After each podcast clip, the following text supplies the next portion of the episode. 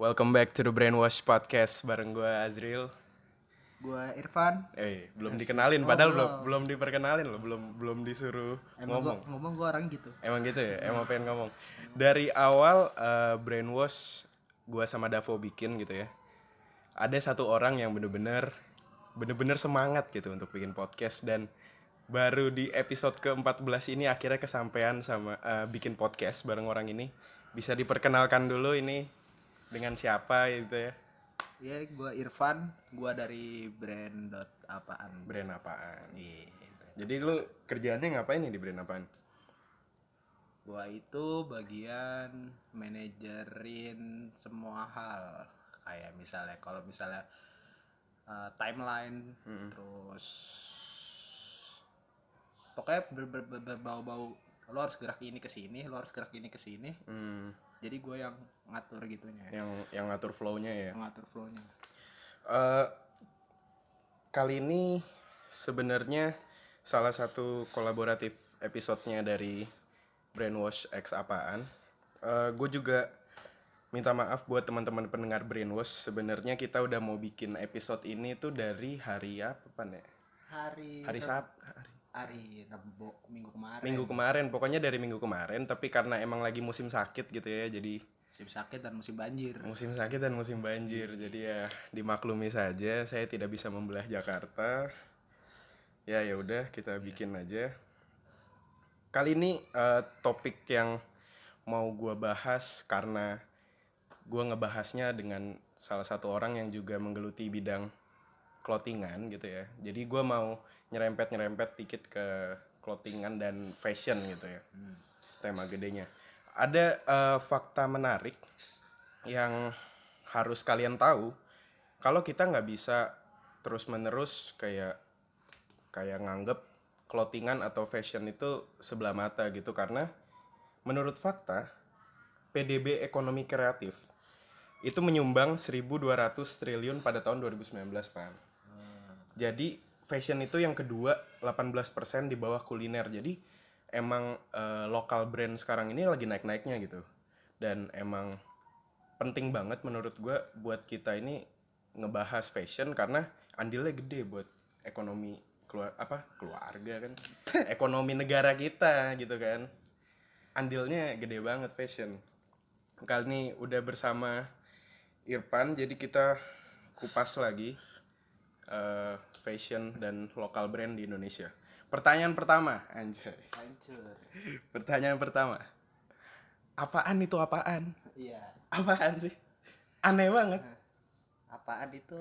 Ya apaan? apaan itu apaan gitu coba dijelasin dulu soalnya kalau eh kayak ada sih temen-temen gue yang habis gue bikin story gitu brainwash X apaan. Terus dia ini brand aneh banget gitu maksudnya dari dari fitnya gitu kayak aneh tapi absurd tapi bagus tapi aneh gitu gimana sih ngerti gak sih? Jadi anak jadi terbentuk kayak tadi gua gua tarik mundur lagi nih ke belakang ya. Gua tarik mundur ke belakang dulu namanya tuh kaum.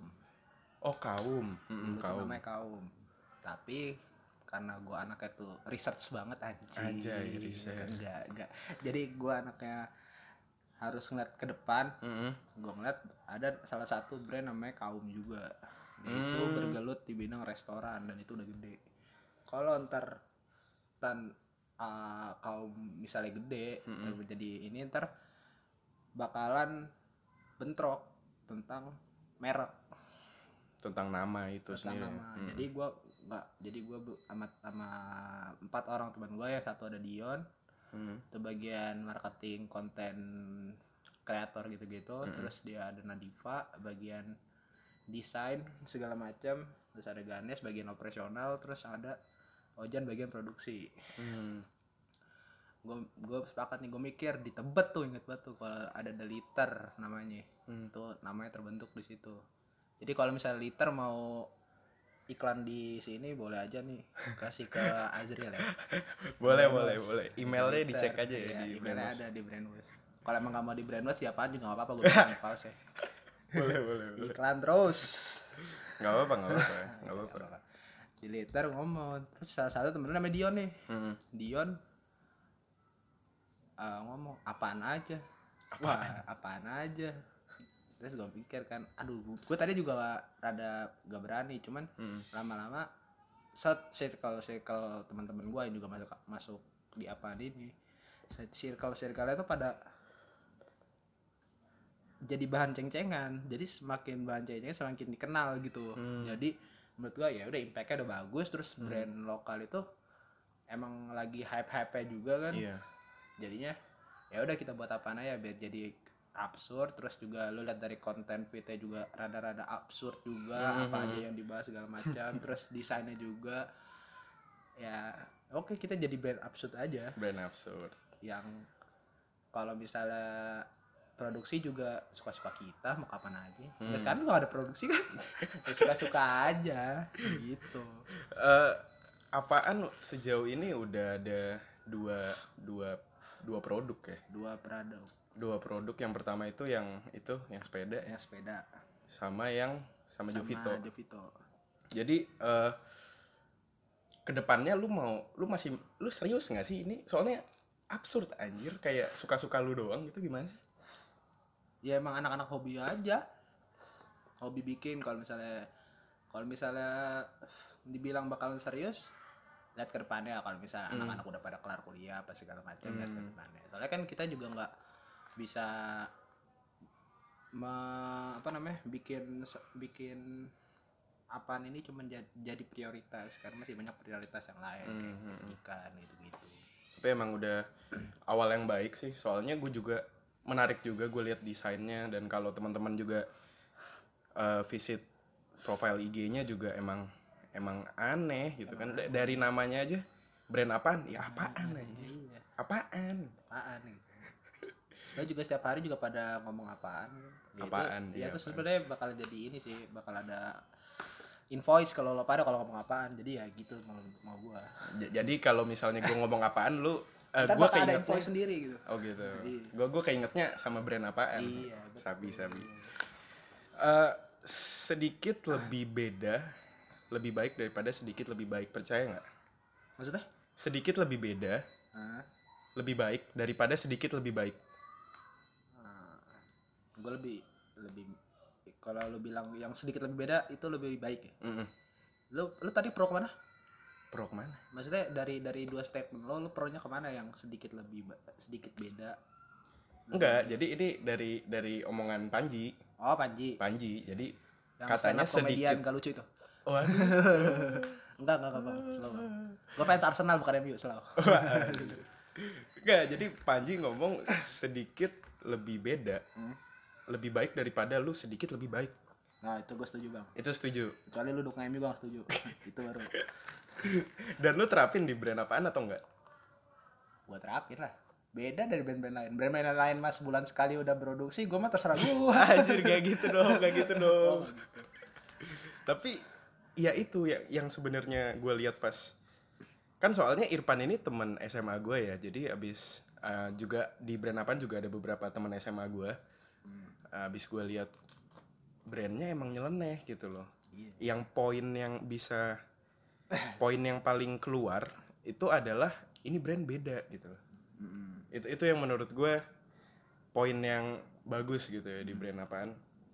Dan sebenarnya kalau di tongkrongan nih pan, kenapa sih clothingan itu selalu jadi wacana utama? Ngerti gak sih? wacana utama tuh gimana tuh Kayak eh, wacana-wacana bisnis yang paling banyak anak-anak seumuran kita pikirin itu kenapa clothingan sih? Lu nyadar nggak se serame itu orang berlomba-lomba untuk bikin eh kita bikin clothingan aja namanya ini desainnya sih ini terus nanti kita bikin ntar pre-order atau atau gimana. Ke- kenapa kenapa sebanyak itu ya menurut lo karena kalau gue bilang ya kalau misalnya clothingan itu paling yang namanya gampang. Gampang. Gampang.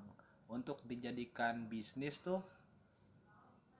gue bilang clothingan bukan bisnis ya kecuali yang udah gede-gede. Mm-mm. kayak misalnya 420 ya yang punya 420 Mm-mm. itu itu gue bilang bisnis. Kalau misalnya gua sama anak gua milihnya dagang. Karena Dagang. perbedaan di dagang sama bisnis tuh ada perbedaannya. Gimana tuh? Kalau dagang lo muter ot muter duit supaya orang-orang pada beli bayaran lo ngerti gak kalau dag kalau dagang nih kalau dagang? lu jual lu ambil duit lu simpen.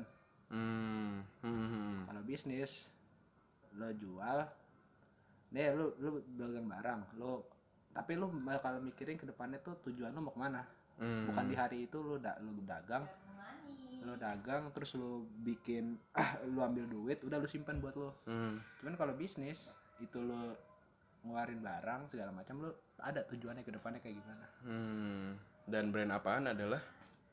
Masih dagang lah. Masih dagang. Masih dagang masih dagang. bisa- belum bisa belum lu lu bilang bisnis. Hmm, belum bisa lu bilang bisnis iya soalnya gue juga menyadari hal ini gitu. Kayak eh, banyak salah satunya gue sendiri gitu. Hmm. di wacana-wacana bisnis di tongkrongan gue itu yang paling sering adalah clothingan gitu. Tapi yang emang bener-bener jalan gue yakin dari beberapa tongkrongan ya dikit. Karena apa ya? Kalau misalnya gue bilang dari kotongkrongan yang jalan dikit satu itu Hmm. masalahnya itu mereka belum punya barang sendiri. Hmm, belum punya sumber daya sendiri kayak misalnya sumber daya lo apa? Sablon. Hmm, lo baju lo dari mana dari sablon apa dari jahit? Kalau misalnya sablon berarti harus punya alat sablon dong. Iya. Kalau misalnya lo printing lo harus punya alat printingnya dong.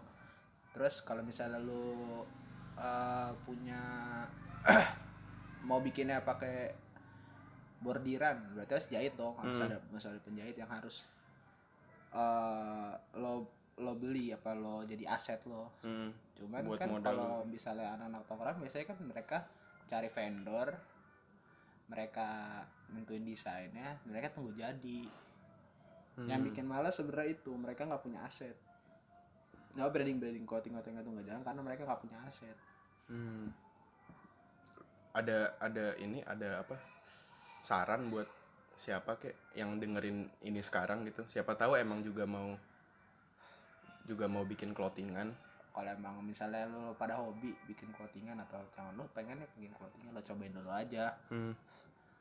lo cobain dulu lo ngerasain effortnya lo rasain megang duit abis itu abis itu lo lihat ke depannya ini pasarnya bakal ke mana Hmm. pasarnya bakal ke anak muda kah apa bakalan ke anak-anak kah apa kayak gimana kalau misalnya cuman lo buat dagang atau sesuka hati lo doang ya gua paling prefer ya clothingan karena itu duit yang paling cepet lah Hmm.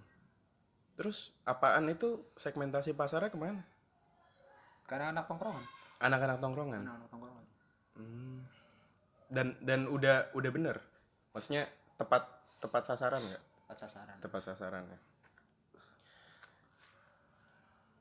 brand-brand lokal sekarang lagi panas-panasnya ada beberapa yang emang gua kenal juga udah eh, mulai dipasarin di internasional gitu ya.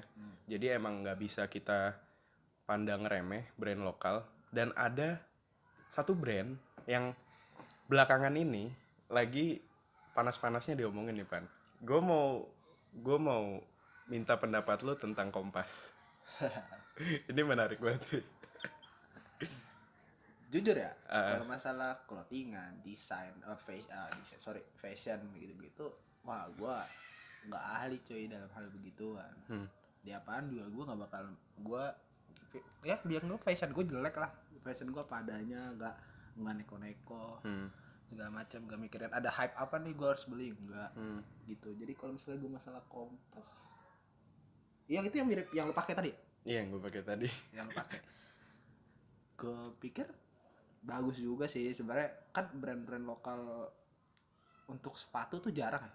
Hmm. jarang kan? Eh, sekarang udah banyak sih. Sekarang udah maksudnya yang Sekarang dulu udah dulu iya dulu dulu dulu masih paling jarang. cuma sepatu. Sepatu sepatu futsal sama sepatu bola. Hmm, hmm. kalau untuk sepatu fashion kayak kayak casual casual gitu baru yang lihat cuma kompas doang. Yang emang namanya bener-bener booming yang banget namanya ya? booming banget. Kalau bola kan ada spek Iya spek spek terus banyak sekarang brand-brand lokal yang Ortus pakai bola. 8. ya itu Ortus 8 udah Ortus mulai 8, udah mulai udah mulai naik segala macam udah endorse endorse pemain bola gitu ya jadi kita juga udah bisa lihat ngomongin tentang masalah endorsan ada komen nggak di endorse endorse nya sepatu kompas ini Waduh, kalau Kompas gue nggak terlalu ngikutin sih. Emang endorsannya siapa? banyak jadi emang dia itu eh, sebelum rilis kita udah bisa lihat sepatu-sepatu yang unrilis Hah? di dipakai sama influencer-influencer sama youtuber-youtuber gitu sama sekarang mata Najwa aja ke mana-mana pakai kompas loh Najuanya. iya Najwanya Najwa Sihab Ya karena emang dia cinta Indonesia mungkin. Biasanya kan nggak nggak ada nggak ada niat lain atau apa gimana lu nggak ada komen kalau Duh. Mana ya? Gue juga belum belum pernah pakai kompas juga. Tapi yang gua yang gue bingungin ada satu trending tentang kompas itu yang gue gak ngerti di Tokped hmm.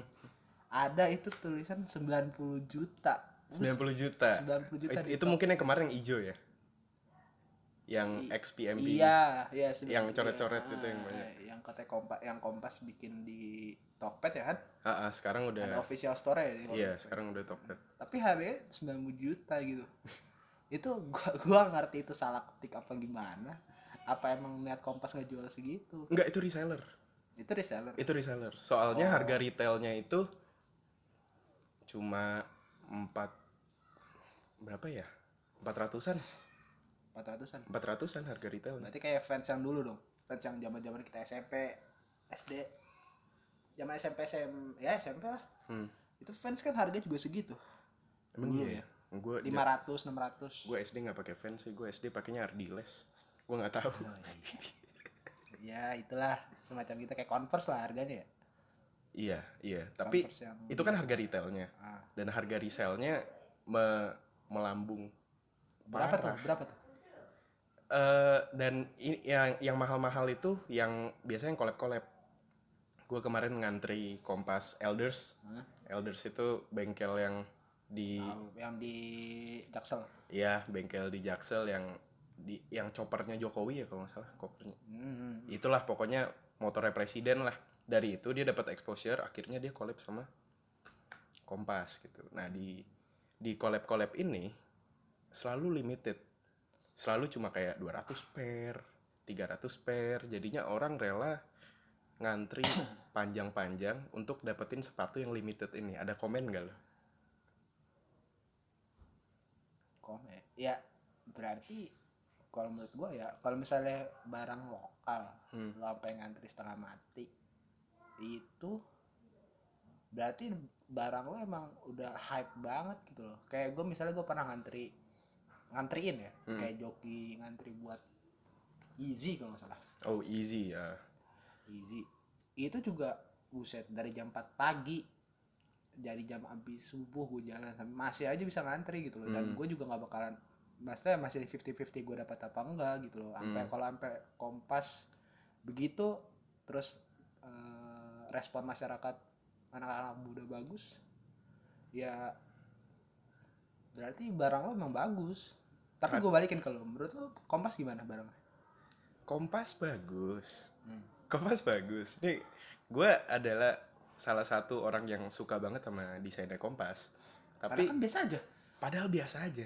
Nah, terus tapi gue gue suka aja gitu loh. apa bedanya sama fans Bedanya sama fans ya. Bedanya adalah ini Kompas. dari desain Dari di- ah, dari, dari desain sama hampir mirip hampir mirip. kasual kasual gitu polos Siluetnya Nike dipotong. iya siluet Nike dipotong. terus itu udah mirip banget sama fans menurut gua ya selera aja lo mau beli kompas apa fans Masa- Sampai- sampai itu kompas itu kan baik lagi ke Hmm. kata-kata lo yang di awal kalau kata-kata Panji yang lebih baik beda Hmm. Daripada lebih baik. daripada lebih baik berarti kan kompas mau ngasih beda dikit tuh antara fans sama kompas yang gue perhatiin itu Hmm. fans sama kompas tuh uh, kompas tuh berusaha nge berusaha nge-rebranding fans untuk asli Indonesia Hmm. kalau menurut gue sih gitu karena gue tadi sana ini mah kayak fans banget kayak jiplakan fans banget cuman gue nggak tahu bedanya karena gue belum tahu nggak nggak belum pernah pakai dan belum pernah beli Solnya, sol bawahnya tuh Hmm. yang buat diinjek itu lo bisa terbang kalau Waduh, waduh, waduh, waduh, Bisa terbang. Enggak gitu dong. Bawahnya itu gue gue baru nemu di Instagram, di explore gue gue lupa. Itu sama persis kayak Converse 50s ya apa 60s ya. Jadi itu sama persis modelannya. Hmm. Sorry. eh abis itu toe capnya yang di bagian sini Hmm.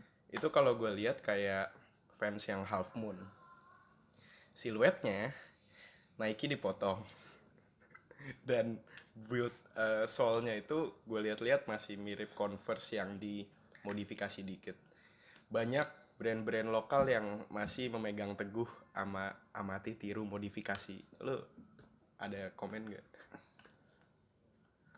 Untuk masalah kompas nih.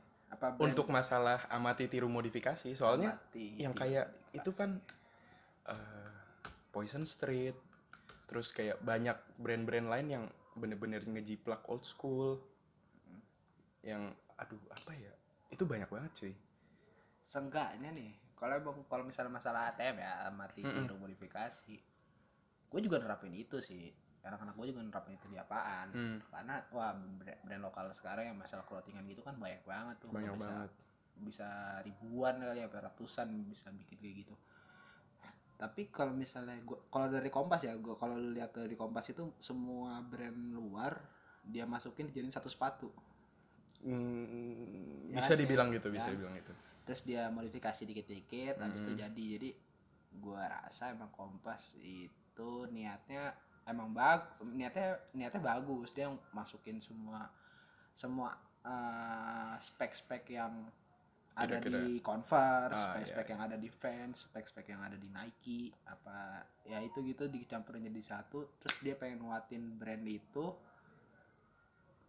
brand itu jadi jadi jadi pesaing untuk mereka mereka mereka yang kayak Converse fans segala macam tapi nggak semua yang ATM itu juga laku di pasaran gitu. Dan tergantung branding mereka. Ah ya menarik nih menarik. Gimana tergantung gimana? branding mereka. Kalau branding mereka misalnya kan kalau gua Hmm. clothingan banyak. Cuman gue branding anak-anak gua lebih ke mainin fit sama interaksi dengan pelanggan. Hmm. kayak misalnya bahasa-bahasa anak sekarang apa gimana gue bikin konten-konten yang bener-bener inilah bener-bener kayak anak sekarang. Kayak misalnya waktu itu apa ya di di ini gue di IG gue pokoknya itulah pokoknya mirip banget sama anak pokoknya sekarang tergantung. Kalau branding kompas branding kompas oh enggak gue bayangin dari branding spek. Hmm. spek brand spek sebenarnya sepatu futsal juga. Sepatu futsal. Sepatu futsal tapi dari Indo. Hmm. Dia itu buas berusaha monopoli pasar Indonesia untuk beli spek. Hmm. Sekarang lu, lu kalau main futsal nih lu lihat sepatunya. Semuanya pada spek semua kan. Mm-mm, banyak Karena dia mikir uh, orang-orang Indonesia kebanyakan atlet-atlet Indonesia pada pakai spek semua. Hmm. Berarti dia spek ini gua garis bawahi berarti dia 80% udah monopoli pasar di Indonesia Indonesia. Kalau dulu waktu zaman kita SD kita beli sepatu futsal Nike itu harganya masih 600 500. Mm-mm. Itu menurut gua masih berarti dia masih lebih milih ke brand luar karena harganya itu masih terjangkau. Iya, 400, 500 masih terjangkau. Cuma sekarang lu lihat Nike sepatunya. Hmm. Jadi di atas 1 juta semua nggak ada yang di bawah 1 juta. Untuk sepatu futsal. untuk sepatu futsal Paling murah 800 lah. iya iya 800 tapi kalau bayang kayak spek sekarang spek harganya 400 kualitasnya sama kayak Nike yang dulu Hmm. berarti dia udah monopoli pasar Indonesia dan tentu lebih affordable gitu buat dan lebih buat pasar affordable. Indonesia. Iya, lebih lebih worth it lah Iya, untuk lebih orang-orang it. Indonesia. Eh, tapi yang gue sayangkan adalah eh gini gue gue setuju kalau misalnya original itu udah nggak ada gitu kan kayak semuanya tuh lu pasti ada inspirasinya ya kan? Hmm. ya, tapi yang gue sayangkan adalah ketidakkreatifan brand-brand lokal yang emang bener-bener ngejiplaknya tuh masih kebanyakan gitu loh. Gimana ya Eh, mereka nggak orang-orang gua kalau tinggal kalau tinggal Indonesia ya, bukan yang udah punya nama atau misalnya yang baru bikin segala macam Hmm. bikin terus kayak gambar-gambar yang hype-hype gitu yang Hmm. kayak nakal yang kayak pergaulan-pergaulan bebas gitu itu itu sah-sah aja cuman ya gue sebenarnya sah-sah aja mereka-mereka yang berusaha untuk gak ngejiplak tapi ujung-ujungnya ngejiplak. Hmm, mereka gue tau mereka berusaha ngejiplak karena susah banget cuy. Lu susah ya susah banget lu mikirin konsep segala macam gini-gini. Tapi yang gua nggak sukain adalah lu ngejiplak permanen. Kayak misalnya contohnya brand lokal sekarang katarsis. Katarsis, katarsis. Punya Bimo. Punya bimo. Itu kan dia idealisme tinggi banget tuh. Hmm, si bimo itu kan idealisme tinggi banget.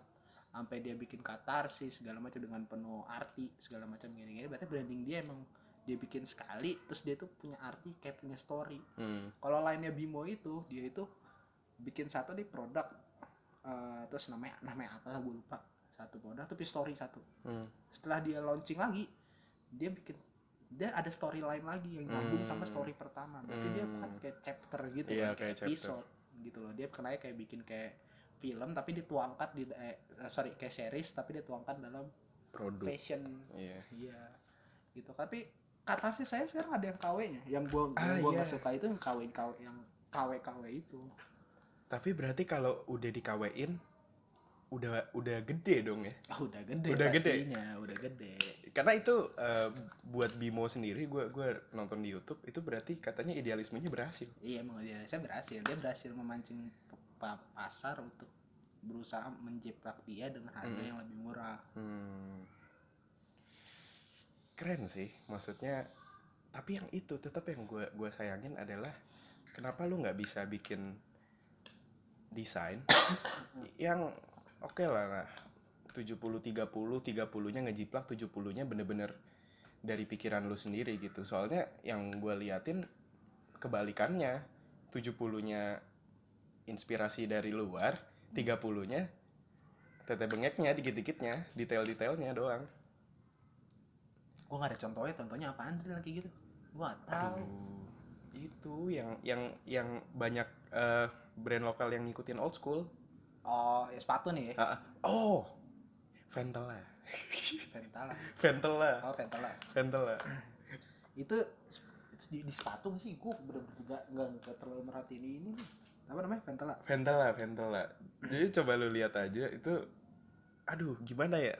Gue bukannya, ini sorry banget buat eh, fans-fansnya lokal pride, brand lokal dan lain-lain. Tapi emang kenyataannya nggak bisa kita pungkirin tuh Indonesia masih AMT, nggak nggak nggak bisa ada terobosan-terobosan Ini. baru. Iya itu, itu kan Converse anjir. Iya, ini Converse. Kenapa bisa lu bikin namanya Ventela? Lu, lu baru tahu deh. Baru tahu. Baru tahu.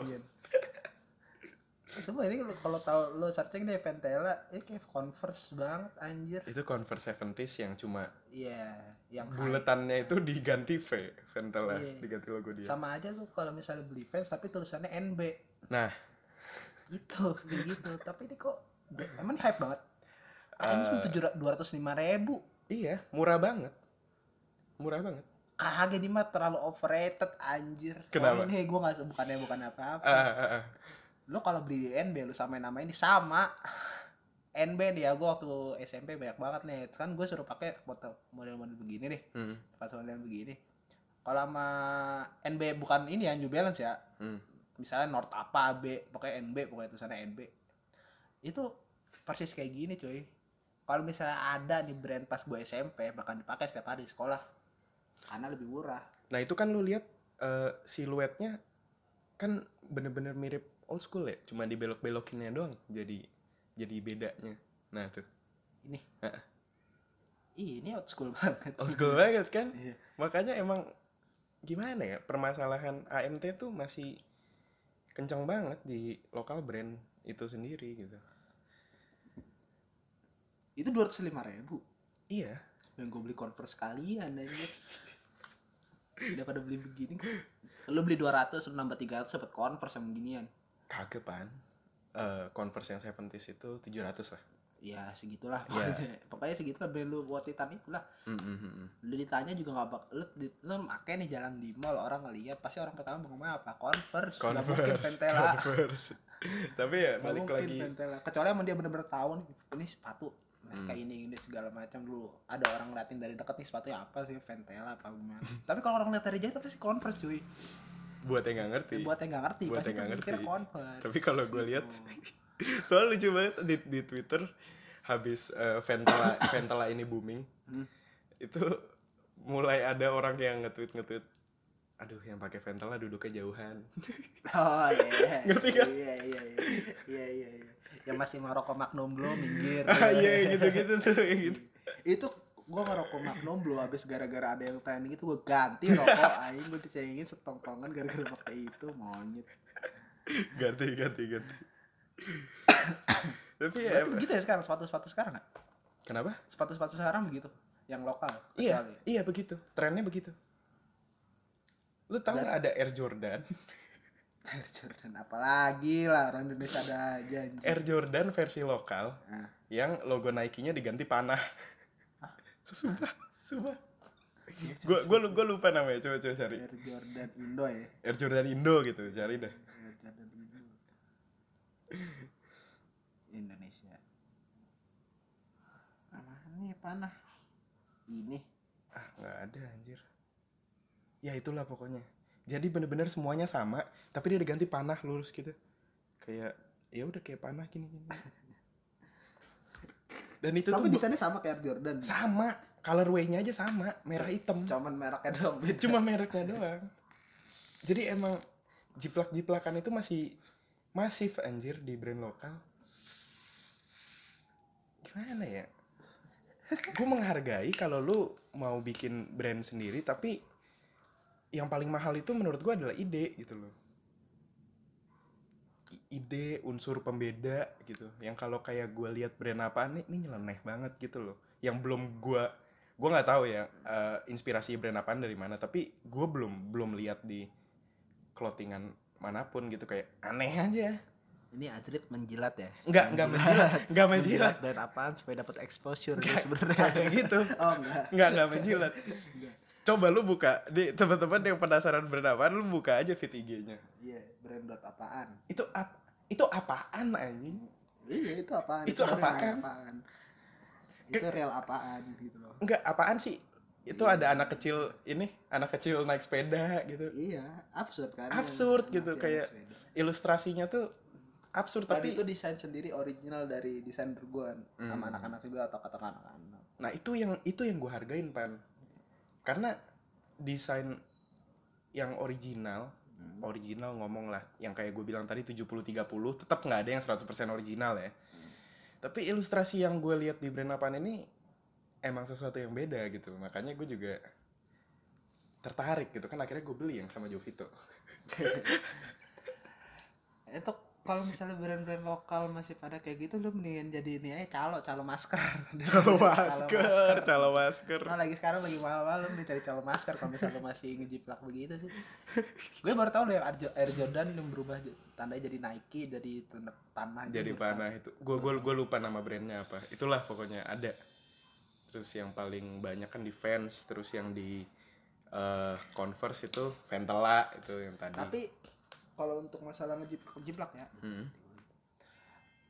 Kalau misalnya yang masalah ngejiplak jiplak itu gue bilang sih eh dari dulu sebenarnya udah ada Cil. Hmm, hmm. Dari dulu udah ada dari zaman gue SMP itu kelas 1 gue masih make tuh namanya Converse tapi dari brand lokal namanya Hmm. North North Black apa North North apa gitu gue lupa Hmm, sama kayak gitu sebenarnya yang baru ketahuan sekarang-sekarang itu betul baru sekarang. Jadi mungkin pada telat kali ya menurut Hmm, kalau misalnya orang-orang Indonesia itu emang tipikalnya begitu. Kalau misalnya lo meng- lo bilang lo namanya hate mereka Hmm. benci sama mereka gara-gara mereka itu kan Ini taruhan sama gua lu dulu SMP itu pernah make yang namanya brand jiplakan juga yang lebih murah.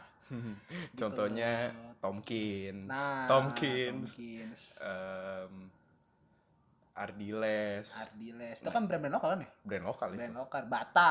Bat Bata bukan lokal. Bata bukan lokal. Bata bukan lokal. Bata dari mana? Tebak dari mana? Gua kira Bata lokal dari gue juga kira begitu. Tau dari mana? Baru tau tau baru tau ini ya? Deket-deket ini ya? Eh, nggak juga. Nggak juga. Dari mana? Dari mana Bata? Malay nggak. Dari mana? Dari Republik Ceko. Demi apa sih? Jauh banget. Sumpah. Sumpah Nah, kenapa namanya bata sih? ih nggak tahu jadi Iya, maksudnya bata. eh, poin lu adalah dari zaman kita SD SMP juga jiplak-jiplakan ini emang juga kan emang udah ada. emang udah ada cuma sekarang baru keangkat aja baru gitu. keangkat aja gara-gara lu pada udah hype nih ceritanya yang lo udah Hmm. masa kecil tuh lu lagi hype nih lu udah ngerti brand lu baru Nah. bisa nge-hate mereka dulu lu pakai juga cuy taruhan sama gua gua juga pernah pakai begitu daripada gue beli converse kan lima ratus ribu gue beli yang di pasar ular lo kalau jadi barang-barang KW tuh dulu tuh masih ada tampur cuy Tampur, Sumpah. iya, tampur. lu kalau mau lu mau nge-hate lu ini lu somasi tampur biar nggak pada jualan sekarang emang udah nggak ada masih ada Masih ada kan sekarang. tampur? tampur tuh dari dulu tuh hype cuy hype banget lu nggak bisa beli Air Jordan lari ke situ tapi lu harus cari tuh yang mana nih yang mirip nih mirip banget gitu Eh, bisa gue bilang nggak intinya bergayalah sesuai dompet lu? Ah iya bergaya sesuai dompet lu. Kalau misalnya lu belum bisa beli kok belum bisa brand-brand yang di luar lu pakai brand-brand yang di dalam juga nggak masalah. Nggak ada yang Mm-mm. kalau misalnya masuk ke dalam lo habis kelar SMA nih SMA pasti kan ada tuh sekarang SMA SMA yang anak-anak SMA yang pamer sekolahnya tau gak sih lo ada tren oh iya di TikTok. Iya di Ah. TikTok. Yang di TikTok itu lah Ya, yang sekolah katanya- kayak istana lah ya kayak sekolah apa kayak istana. Terus kemarin ada lagi yang dipamerin isi mobil eh isi rumahnya. Serius? Iya. Isi rumah? Lo kalau masuk udah kelar SMA lo udah gak bakalan lagi mikirin begituan. Hmm. tongkrong lo udah bilang asik tuh dengan cara gaya lo bergaul bukan Hmm. dari fashion lo. Kecuali emang orang-orang yang gaul at fashion gua nggak tahu ya tapi kalau menurut gua kalau selama ini gua liat di tongkrongan kalau misalnya gaul itu nggak perlu lihat dari fashion Hmm. Ya itu balik lagi eh, background lu gimana sih gitu. Cuma eh, satu hal yang gue percaya fashion itu adalah statement gitu. statement gimana dulu nih Statement diri lu. Ah, Lu mau menunjukkan sesuatu yang lu nggak harus ngomong gue ting kayak gini. Jadi orang kalau lihat gaya lu berpakaian udah tahu lu orangnya tuh kayak gitu. gitu. Ngerti gak? iya bisa bisa Iya kan. Jadi se se nggak penting nggak pentingnya fashion menurut gua fashion adalah statement tapi balik lagi lu harusnya pakai yang lu nyaman gitu Hmm, hmm, iya kan gua kayak nggak habis pikir sama lu beli sepatu yang berapa berapa belas juta berapa belas juta tapi le- lu lecet-lecet atau apa kalau kenyamanan yang pertama kenapa nggak lu, lu beli sepatu yang biasa aja tapi bisa lu pakai sehari-hari kan mending lecet-lecet kalau misalnya nggak cocok sama dia kan gimana iya iya Iya, gitu ya suka-suka maksa gitu. Kayak misalnya kayak artis lah. Kalau misalnya lu lihat Nagita Slavina, apa Raffi Ahmad lu lihatnya baju-baju branded semua kan. Hmm. Berarti emang mereka nyaman dengan baju itu Hmm. segala macam. Cuman kalau misalnya dipaksain kayak siapa ya artis-artis sekarang kayak Uya Kuya. Iya kuya. Ah. Uya Kuya. Ya barang hype semua tuh. Emang cocok di badan kagak. Kagak ada yang cocok di badan dia. Ya, cocok. Rambut diwarnain, atas sama bawah warnanya banyak banget. Tapi itu tapi dia emang kaya sih dia emang kaya jadi ya udah asal anaknya nggak kayak gitu aja sih anaknya si Nino sama si siapa tuh ya anaknya kan gitu juga. anaknya gitu Satu juga. keluarga kan gitu keluarga aja. juga tapi ya anaknya lebih mending lah daripada Lebih dia lebih mending ya. lebih mending, lebih bisa milih kalau dia kan semua yang barang berat diambil ambil ambil ambil gitu Jaket berapa ratus juta, ah tapi nggak celana berapa puluh kan. juta. Tapi gayanya terlalu overkill gitu loh kayak Ah. aduh gimana ya. Yang yang nggak apa-apa sih. Iya, Ya nggak lu apa-apa, nggak apa-apa. nggak apa-apa kan karena ya itu cara lu untuk menunjukkan ini loh gua gitu. Oke mungkin tuntutan pekerjaan atau apa nggak ngerti gue. Tapi selama lu makainya nyaman, Hmm. selama lu bisa belinya menurut gue sih nggak apa-apa sih. ya emang gak apa-apa sebenarnya kan kan gue cuman ini doang apa gue balas argu uh, statement lu soal barang itu eh fashion itu menunjukkan jati diri kan Mm-mm. berarti gue tanya kalau Yakuya jati dirinya apa jati dirinya artis terhype di Indonesia. enggak dong kalau misalnya kayak gitu asik terhype di Indonesia hype dalam bentuk apa hype dalam bentuk barang-barang trending apa barang-barang mahal Barang-barang barang-barang hypebeast lah. kalau satu kata gua kalau misalnya lu tanya ke gua kalau misalnya uya kuya nih uya Hmm. kuya barangnya mahal-mahal segala macam tapi nggak cocok dia ya katanya ya bener kata dia kau bisa alay iya gak sih Iya. dia tuh berarti Iya. berarti penempatannya itu kalau kita kalau orang biasa eh, balita batita remaja eh alay remaja remaja Ah, ah. kalau dia dari remaja dewasa baru alay Iya, alay telat. lompat alay telat. Tapi hati-hati loh, Pan. Mungkin kalau lu nggak ada yang tahu nih brand apaan gimana ke depannya. Terus tahu-tahu meledak. Terus lu baru dapat fame, lu bisa alay loh. lu bisa alay loh. alay yang kayak gimana nih Karena ini gue juga sempat bahas ya sama temen gue tentang temen-temen yang lu kenal itu setelah mendapat exposure setelah mendapat fame akhirnya ada masa alainya lu sok ngartis. Gue tahu nih ke mana nih otaknya anjing. Gue tahu nih ke mana nih bangsat lu tuh anjing. Gue gue tahu eh, sebenarnya gue gue bukan mau ngomongin dia karena bukan cuma karena bukan Enggak emang dia bener emang dia bener lo kalau anaknya sama presiden lu tahu. Waduh waduh disebut waduh. Gue sama presiden kalau lu tahu anaknya sama presiden lu tahu. Ini bakal arahnya ke mana? Tapi eh, itu tuh fase gitu pan. Jadi ya gue ngata-ngatain sekarang terus tahu-tahu nanti gue dapet exposure gue dapet fame gak ada yang tahu gue juga bakal alay kan?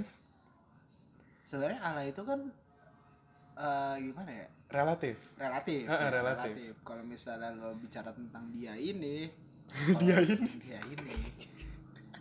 Kalau gue lihat ya gue nggak nggak hate dia sama sekali. Cuman kan emang dia misalnya dapat promote apa kayak gimana ya emang harus dijalanin. Atau itu dia masih berarti masih money oriented kan? Hmm. money oriented jadi gitu loh. Kalau misalnya lu tagih karyanya dia emang dia kagak ada. Ah, ma- ya, masih karyanya dia ya cuman dari muka apa dia lifestyle dia kenal sama siapa aja Channel, channel ah. segala macam siapa barang apa aja yang dia beli terus dari followers IG juga followers kan. IG gitu followers IG juga kan itu meman- itu menarik para brand-brand di Indonesia yang nggak cuma clothing tuh bisa menarik dia sebagai brand ambassador ah brand ambassador yang murah Hmm. hitungannya hitungannya yang murah jadi tuh sekarang brand kalau gue lihat ya hmm. Kalau brand-brand sekarang itu kayak misalnya waktu itu apa ya beli beli beli beli beli beli itu dia ada teman gue juga yang followersnya masih seribu dia bikin beli beli juga. Dia jadi semacam iklan beli beli gitu Hmm. di post gitu. Dia juga dapat. Sebenarnya eh, sekarang permainannya gitu. Dia make yang kecil-kecil nih biar pada tahu segala macam. Hmm. daripada dia lebih milih ngambil brand ambassador artis satu Mm-mm. tapi mahal. Dia Hmm. milih yang merakyat gitu muter. Ntar jadi orang-orang pada tahu nih pada pada ngeliat segala macam ada bisa ada promo apa segala macam gitu gitu orang-orang pada ngeliat segala macam daripada harus dia nge-endorse dari satu artis yang followersnya sampai sampai jutaan. Kayak gitu sekarang. Maka jadi kenapa? lebih ngincer quantity ah, sekarang. lebih ngincer quantity.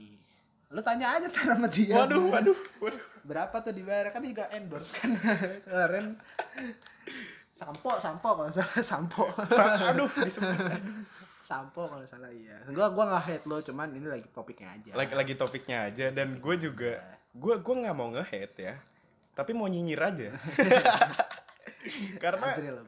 iya karena menurut gue di fase fase fase awal lu menjadi yang bisa kita sebut selebgram Ah. influencer itu pasti masih ada masa-masa alay lu pertama.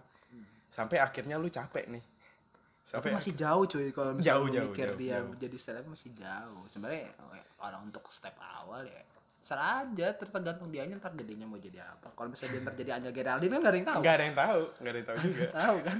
Kalau misalnya ntar gedenya jadi siapa ya, teman-temannya Keanu kan gak ada yang tahu. waduh iya nggak ada yang tahu. Lo Keanu gede kayak gitu kan gara-gara dia brandingnya begitu. Hmm. gini deh nggak usah bahas brand kita bahas branding tentang orang. Pers- Siapa? personal branding. Siapa personal branding yang menurut lo paling kuat influencer. Terserah mau investor mau selebgram siapa ya? di ini bukan fashion? Bukan. Personal. Gimmick orang. Gimmick. Hmm.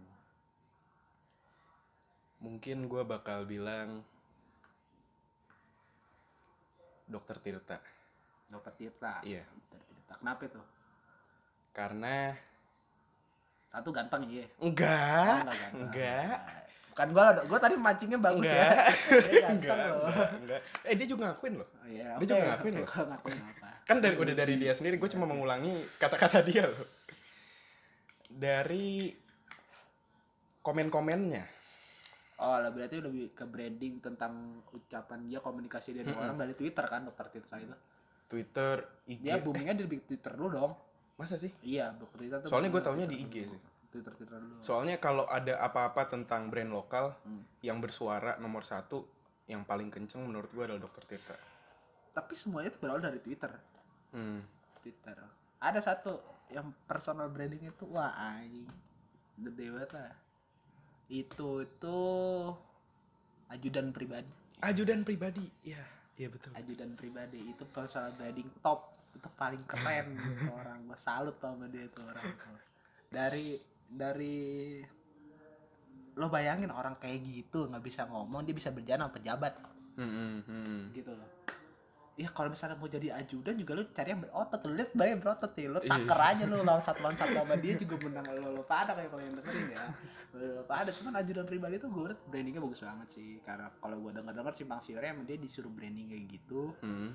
untuk dijadiin eh, untuk dia naik memperbaiki hidup dia lah gitu loh itu yang gue salut dari ajudan pribadi dulu dia tuh oh, dia itu tukang pijet Serius? serius tukang pijat terus ada salah satu ajudan asli nih bukan Hmm. ajudan, Aj- ajudan asli ya? ajudan asli ya, bukan ajudan bukan dia dia itu nyuruh oh, nyuruh ajudannya nyari tukang pijit terus dia datang Hmm. tak dia mijitin dia ngobrol dia asik segala macam dibawa sama orang sampai Hmm. sekarang sampai dari siapa ya tuh pejabat-pejabat yang sama dia paling sering tuh siapa ya tuh ada polisi pokoknya ada pejabat Ah, lupa pejabat ya. gitu itu personal branding yang kalau misalnya lo pada nih teman-teman gua atau yang para pendengar brainwash Hmm. lo kalau melihat personal branding dari ajudan pribadi itu lo lihat dari dia dari mukanya ya kan nggak nggak maksudnya bukan bukan menjual ya gue juga nggak- nggak meyakinkan. nggak meyakinkan juga jadi ajudan gitu tapi Iya. dia bisa kayak gitu tuh dia top top banget ajudan pribadi Eh, sekarang pertanyaannya eh, personal branding gi- gimana caranya menemukan personal branding yang cocok untuk lo? Soalnya menurut gua karena yang tadi kita ngomongin ini tidak cocok dengan dirinya Ganes jadinya cocok tawa Ganes. Ganes dan ketawa Ganes. Jadinya dalam da- mulut gue ini pengen nyinyir gitu loh. Karena tidak cocok dengan diri lu selama itu personal branding yang lu bangun cocok sama lu menurut gue sah sah aja gitu loh. Sebenarnya ya personal gua nggak tahu sih kalau teman kita ini personal brandingnya kayak gimana. Tapi yang gua garis bawahi dia untuk dia lagi membangun untuk mencapai untuk ke sana gitu. Hmm, gue juga belum pernah ketemu lagi gitu loh sama dia jadi gue nggak tahu gimana sifat aslinya dia pokoknya teman kita nih yang gue lihat berubah banget dari cara pemikiran cara ngomong itu Ogi mungkin kalau lu dulu ketemu lagi gue gue belum ketemu lagi Oh, oh, Ogi pemikirannya dia udah dewasa banget. Ada Hmm. teman gue ya gitu namanya Ogi. Dia gue pikir lu bakal nyebut gue loh lu lu gak nyebut gue gitu Iya kalau misalnya gue lihat ya, Oh, oke. gue lihat yang berubah banget. Kalau kan kalau kan dari dari SMA udah udah apa udah speak up. Oke. Udah speak up. Ketua MPK nggak speak up Aduh. usah jadi ketua MPK Aduh. cuy. Oke oke. Bener kan? Gitu. Dari Azril ini ketua MPK dulunya yang disegani lah di SMA gitu. Tolong jangan bawa topik itu lagi. Dia tuh Saya dia, dia tuh kenapa bisa bisa ngomong gini itu dari organisasi. Jadi lo pada deh masih SMP atau SMA lo nikmatin organisasi lo. Lo, lo pada deh.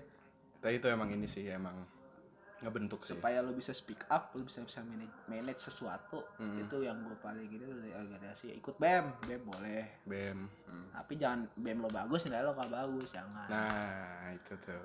Itu penting Nah, sekali ya. sekali tuh. Jangan Anda skip kelas demi demo. jangan anda absen sudah tiga. Jangan, jangan, jangan, jangan, jangan. Balik lagi orang tua kita juga pengennya kita cepet-cepet lulus lah. Ya Karena cuma nggak mungkin kan hidup lo cuma buat di BEM atau di organisasi kan enggak. Iya. Pikirin juga nilainya. Itu salah satu ma- manajemen waktu yang bagus loh. Hmm. Kalau misalnya lagi lo lagi kuliah apa lagi SMA terus lo ada organisasi segala macam. Mm-mm. Karena dari teman-teman gue yang aktif organisasi juga sebenarnya susah banget ngatur waktunya. Dan gue respect sama lu pada yang emang masih organisasi tapi nilai lu masih aman gitu. Sumpah gue respect. Karena gue sendiri juga anti organisasi. Oh lu ada organisasi di Di kuliah ya? sama kayak Ojan. Oh gitu. Ojan juga anti organisasi kupu-kupu deh. Di Gua- kosan mulai Jan ya. Gue gue kupu-kupu parah cuy. Iya, orang lu tidurnya 12 jam. Waduh, waduh. Jadi melebar ke mana-mana ya? Iya. Dari ngomongin Balik, fashion, balik, balik, balik. Dari ngomongin fashion, ngomongin brand lokal tadi, dan habis itu juga ngomongin akhirnya ngomongin personal branding. orang, ngomongin influencer dan teman-teman kita yang lainnya. itu salah satu bagian lah dari clothingan branding itu salah satu bagian penting dari clothingan mau lu bawa ke mana? Brand lu tuh mau dikenal sebagai apa gitu. lo boleh idealis tapi harus realistis Asik. Asik. Asik. Quotes of the episode aja. iya lo harus realistis. lo, har- lo harus lo punya idealis boleh tapi harus realistis Boleh, boleh, boleh. Kali ini mau bahas tentang hype dan reseller.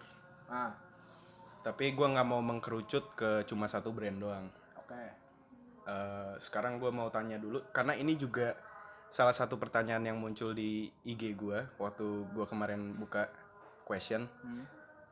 Gimana tanggapan lu tentang reseller? Hmm, tanggapan gua kayak gue tahu tuh siapa yang nanya iya iya kan terus lihat. iya tapi gue tahu sebutin lah namanya lah Ah, ini Ganes nih nanya Ganes. dari dari salah satu pengagum brainwash ya. Woi pengagum brainwash. pendengar brainwash. Pendengar brainwash sejati Ganes. Sebenarnya lo bisa nanya sendiri Nes ke gua Nes. Gak perlu lewat brainwash. gitu. Gak apa-apa dia ngasih kita bahan. Oh, ngasih kita Gak apa-apa gak apa-apa.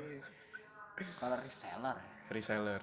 itu adalah step up lo gimana tahu lo step up lo ke depan gimana lo tahu kalau misalnya lo tuh punya barang lo harus jualin ke mana? Itu salah satu langkah awal. Hmm. langkah awal. Awal banget lo bakal tahu pasar tuh gimana tuh dari seller.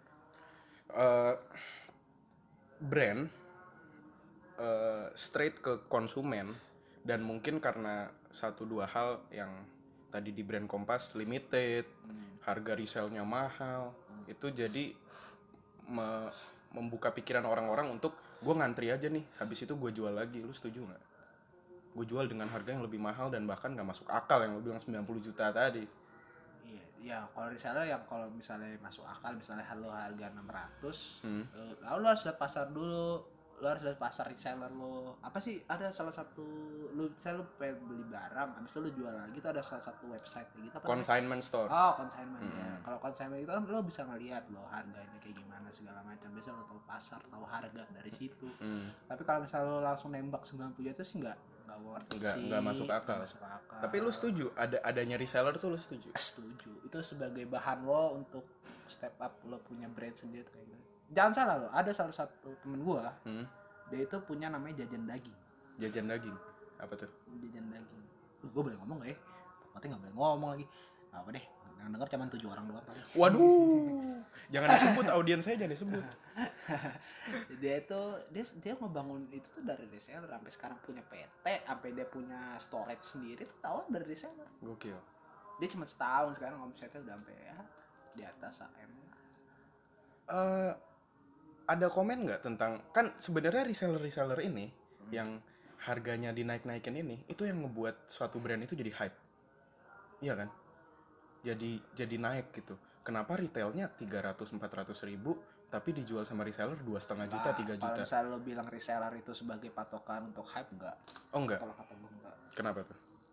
Hype itu tergantung dari apa yang lo yakini ini wah ini pas ini ini bakal naik nih segala macam kayak gitu. Kalau reseller otaknya cuman ngebalikin duit dia doang kan? Ma- iya maksudnya maksudnya poin gue reseller itu yang yang juga nge nge-upin si brand itu gitu loh Enggak. Karena itu harganya- tergantung dari branding dari brand sendiri gitu. kalau menurut gua. Kalau misalnya reseller enggak enggak terlalu adil lah. Dia otaknya masih money oriented. masih money oriented gua Terlalu gua beli harga gua beli harga segini gua bisa jual dua tiga kali lipat ya itu nggak nggak terlalu nggak bisa dibilang hype juga enggak sebenarnya. Tergantung dari brand branding kompasnya aja. Waduh atau kompas. branding dari misalnya Pentela tadi. Ventela ya? Ya Pentela tadi atau apalah misalnya brand-brand kayak gitu segala macam. Itu kan bisa dibilang nggak kalau limited limited itu strategi pasar strategi marketing? Ya bisa strategi marketing itu jadi membawa orang jadi penasaran. Heeh, kenapa ini barang limited? Apa yang beda dari iya. apa sih kena, kenapa sih orang semua orang pakai sepatu kompas dan apa sih yang bikin orang tergila-gila? Kan gitu kan? Ya itu brandingnya. Tapi sehat nggak sih pan? Maksudnya lu bayangin anjir retailnya segini lu mau beli udah, ud- lu nggak bisa beli karena harganya yang dijual sama reseller segitu sehat nggak sih itu? Padahal motonya sepatu kompas untuk semua oh matanya itu. Tapi dia jual Ya. limited. Tapi jualnya limited. Bukan bukan bukan limited. Eh, ngomongnya sih karena emang produksinya terbatas. Produksinya terbatas sebulan cuma bisa berapa ribu gitu. Soalnya kan berarti dia udah punya idealis sendiri dong. Berarti katarsis sama kompas sama. Sama ya? Sama. Kalau katarsis di clothing kalau kompas di sepatu. Hmm. kalau katarsis branding dari Bimo nya kalau katarsis branding dari kalau kompas? Oh, eh, sorry. Kalau katarsis branding dari Bimo Mm-mm. kalau kompas branding dari eh, produksinya. Dari produksi. Dari stylenya dia. Itu sih. Dan akhirnya kalau gue lihat kes- makin semakin ke sini dia semakin kemakan sama motonya sendiri. Yang mana jadinya sepatu kompas tidak untuk semua orang. Sepatu kompas sepatu reseller. Gimana tuh? Sepatu reseller. Iya. Emang sekarang kebanyakan yang jual reseller? Reseller. Jadi orang-orang ngantri itu banyak joki. Karena gue ngalamin sendiri gue ngantri ngantri. Tapi lu dapet. Gue dapet dan buat gue pakai bukan bukan dijual lagi. Nggak nggak gue jual lagi.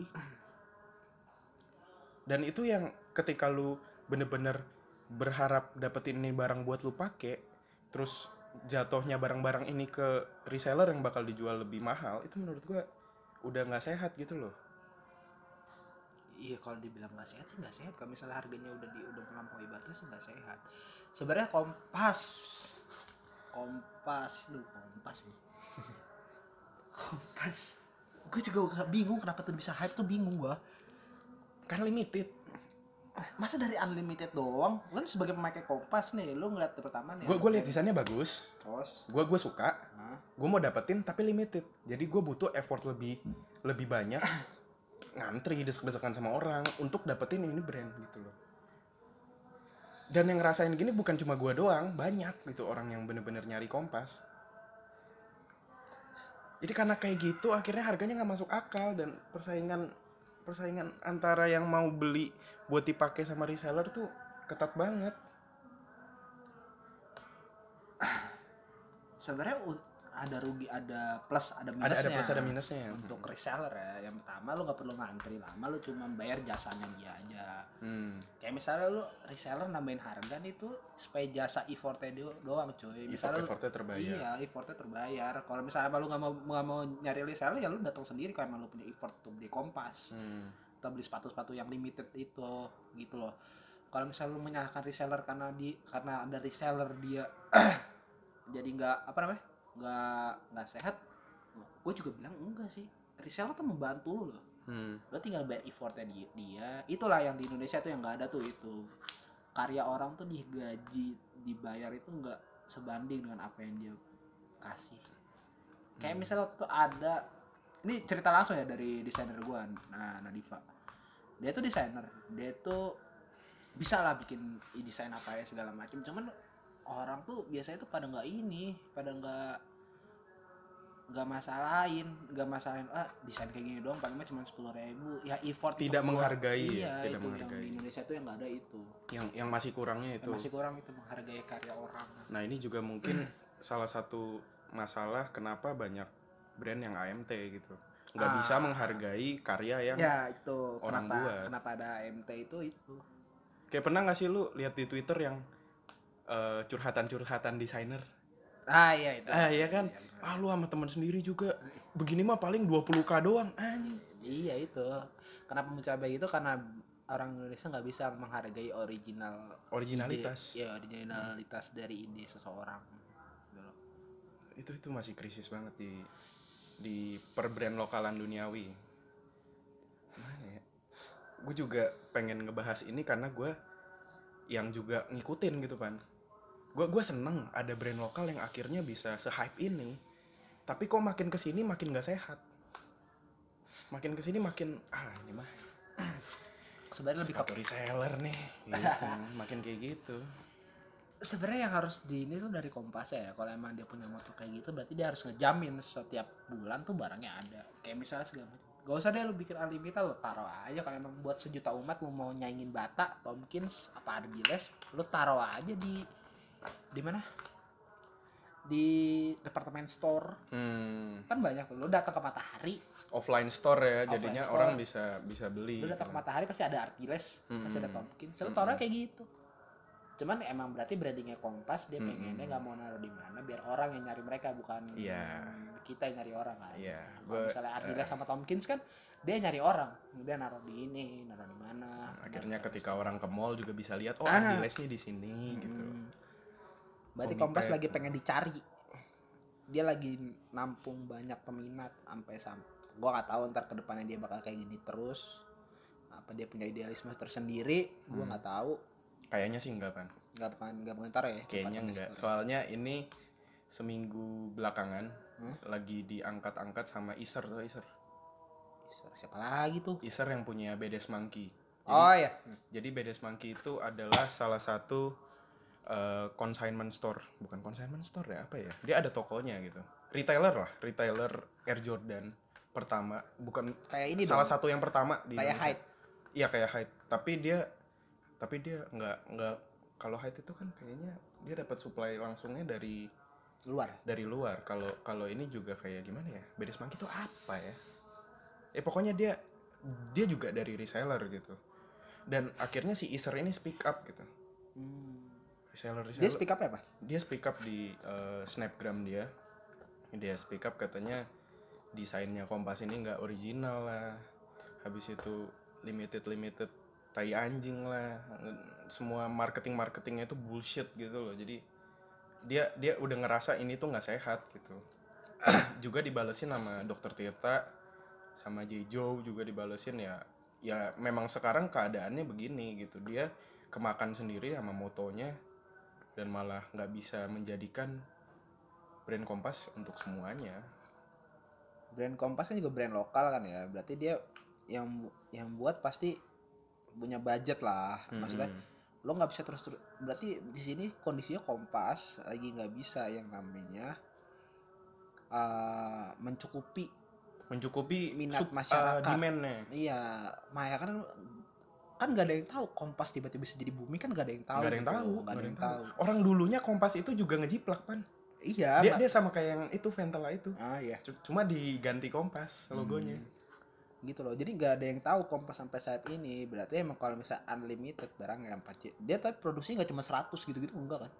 Produksinya setahu gua 3000 per bulan. Setahu gua. Nggak tahu Oh. sekarang udah dinaikin apa enggak. Itu masih brand lokal cuy. Maksud gua kalau misalnya siapa tadi namanya? Isar ya? Iser kalau misalnya lo bilang ini nggak sehat berarti emang peminatnya lebih banyak daripada produknya. Kan itu namanya brand lokal ya masih juga masih brand baru Hmm. brand baru. Dan dia pasti punya budget yang nggak bisa. Kompas nggak brand baru? Kompas nggak brand baru? Kompas nggak brand baru. Kompas itu udah ada early early 2000 apa early 2005 ya? Pokoknya udah ada dari 2000-an tapi dia baru muncul dengan yang versi sekarangnya ini yang namanya Kompas Gazelle Hmm. yang gue bilang Nike dipotong gitu siluet itu itu katanya sih udah dipatenin dari lama. Tapi dia baru naik pas dia collab sama Brian Brian Oh, berarti berarti dia dari dulu tuh ke dia ngejiplak dia nyari ini dong berarti nyari nyari dana lah. Nyari nyari modal dulu. Nyari modal Hmm. pasti kayak gitu gitu brand lokal kan biasa begitu nyari dana apa kayak gimana. Sorry. Tapi ya ya memang keadaannya sekarang begini Hmm. dan gua rasa juga emang kompasnya itu harus introspeksi gitu loh. Kalau lu memang nyadar dengan moto lu Hmm. lu banyakin supply. Setidaknya setidaknya tiga ribu sebulan. 3000 sebulan tuh dikit. Dengan moto apa? Dengan moto sepatu kompas untuk semua. Eh ya kurang sih. Kurang kan? Kurang Di- dikit banget. Soalnya katanya sih juga produksinya di di desa gitu. Jadi yang nggak bisa yang lu mass production gitu nggak bisa. Berarti kan kalau misalnya di desa dia naikin kesejahteraan orang di desa dong. Hmm, hmm. gitu loh. Jadi kalau misalnya orang-orang pada hate kompas itu terlalu overrated lo harus tahu dulu lo harus research. Kayak misalnya lo sebelum ngatain orang tuh lo harus research dulu cuy. Lo harus research segala macam tuh supaya lo tahu nih kenapa bisa kayak gini backgroundnya apa gini gini Eh, udah hampir di penghujung episode. Ada satu tanggapan lagi dari IG gua yang masuk. Itu adalah teman gua penasaran tentang hal-hal yang kelihatannya sepele di awal pas bikin clothingan Hmm. tapi ternyata penting banget dan itu krusial banget di clothingan itu sendiri tuh apa kira-kira? Ada nggak? Yang selama ini brand apaan udah jalanin gitu kan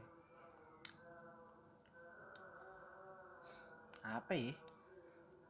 Yang paling konsisten eh, lo mau buatnya dari segi apa dulu nih? Lo mau buat dari segi bisnis kah? Apa lo bakal ini bakal jadi prioritas lo kah? Memang passion lo di clothing? Jadi lo pengen bikin clothing terus terus gitu. Kayak gimana maksudnya? Ya kendalanya aja. Yang alah paling pas pas lu pertama-tama bikin nongkrong gitu sama teman lu lu brainstorming.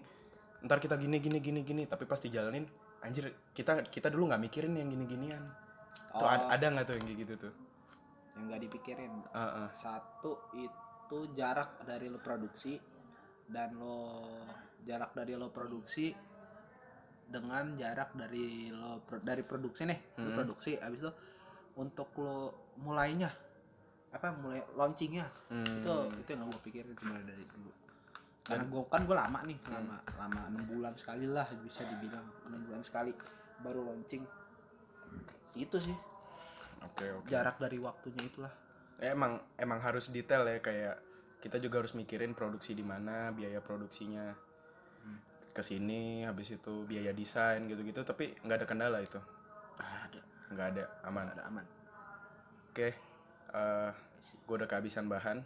Kita juga udah ngomongin semuanya ya. Udah dari fashion, eh, brand, brand, brandingnya si brand ini dan beberapa tentang pengalaman Irfan Farisi tentang menjalani satu clothingan, clothing line ya. Segitu aja di episode ini. Mungkin nanti kalau mau nanya-nanya, ya nggak ada yang nanya juga sih. Gaya-gaya banget ya. gua ya udah gitu aja nih eh di setiap episode brainwash ada ada ada slogannya nih yang lu harus ikutin gue karena lu lagi di brainwash sekarang Eh, apa nih apa nih jadi kalau gue ngomong nama gue Azril lu ngomong. Nama gue Irfan. Hah? keep your brain. Nah, lu ngomong wash oh. Eh gitu. Harus ada harus ada closingnya oke. harus ada kalau closingan misalnya mainin begini oke. Ayo Oke, eh, thank you banget buat yang udah dengerin nyampe satu jam lebih ini. gue juga berharap nanti kalau gue balik Semarang masih bikin episode baru lagi sama Davo. Eh, thank you banget. Dan segitu aja buat episode kali ini. Nama gue Azril. nama gue Irfan Keep your brain. Wash Asik.